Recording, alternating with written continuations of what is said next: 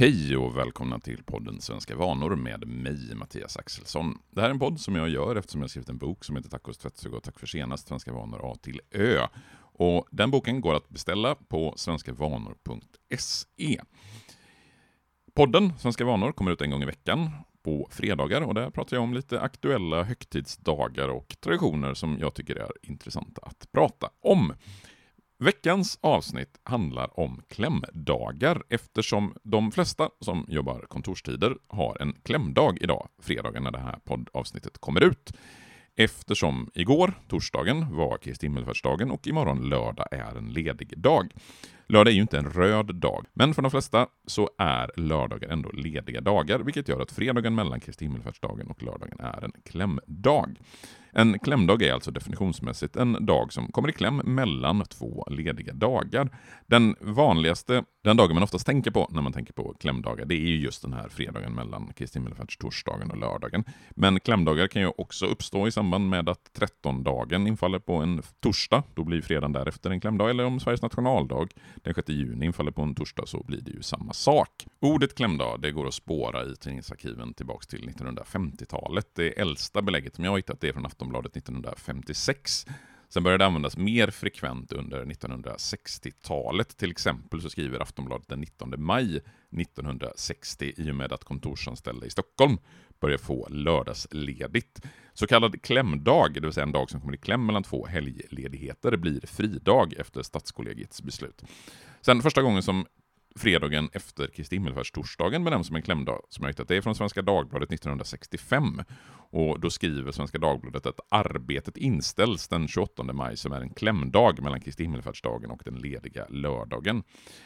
Och under 1960-talet, då klämdag börjar användas mer frekvent som ord, så är det långt ifrån självklart att man är ledig på klämdagarna. Men sen under 1970-talet, när man tittar tillbaka i tidningsarkiven, så verkar det vara mer och mer frekvent förekommande att man är ledig just på klämdagen efter Kristi himmelfärdsdagen.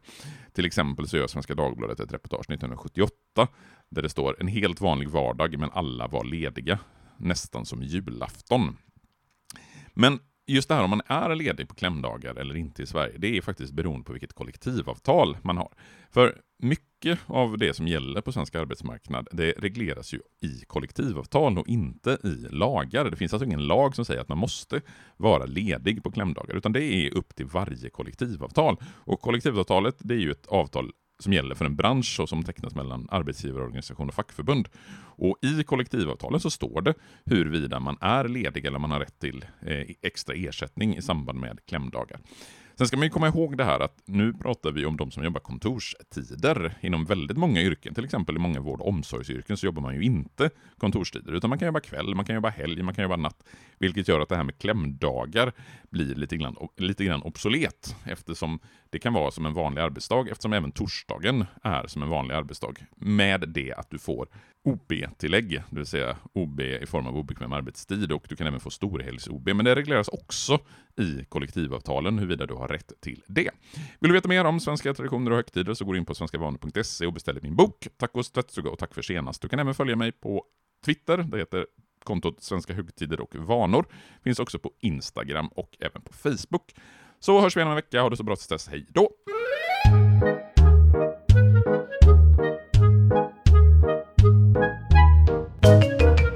Svenska vanor produceras av Reostat Media AB.